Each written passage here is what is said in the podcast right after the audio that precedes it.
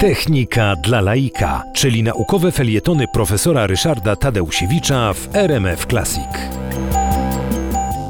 Technika rozwijała się w swojej historii no, w kilku takich wiodących kierunkach. Oczywiście wynalazki pojawiały się w różnych obszarach, ale imperatywy, potrzeby rozwoju techniki były zwykle związane z czymś konkretnym.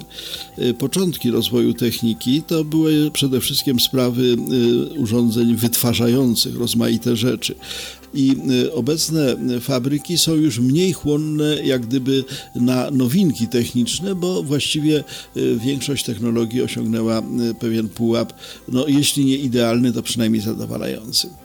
Natomiast później oczywiście technika rozwijała się również na potrzeby wojska, nadal się zresztą w tym kierunku rozwija różnego rodzaju formy komunikacji, od samochodów poprzez samoloty, aż po statki kosmiczne. To też był taki e, pewien e, czynnik e, ustalający kierunki i priorytety techniki, ale to wszystko jak gdyby już było.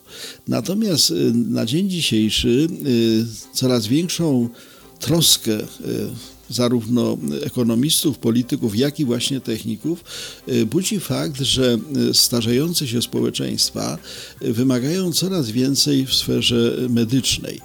Człowiek posiada różne potrzeby, potrzebuje się ubrać, potrzebuje gdzieś mieszkać, potrzebuje czymś jeździć, ale przede wszystkim potrzebuje i chciałby być zdrowy.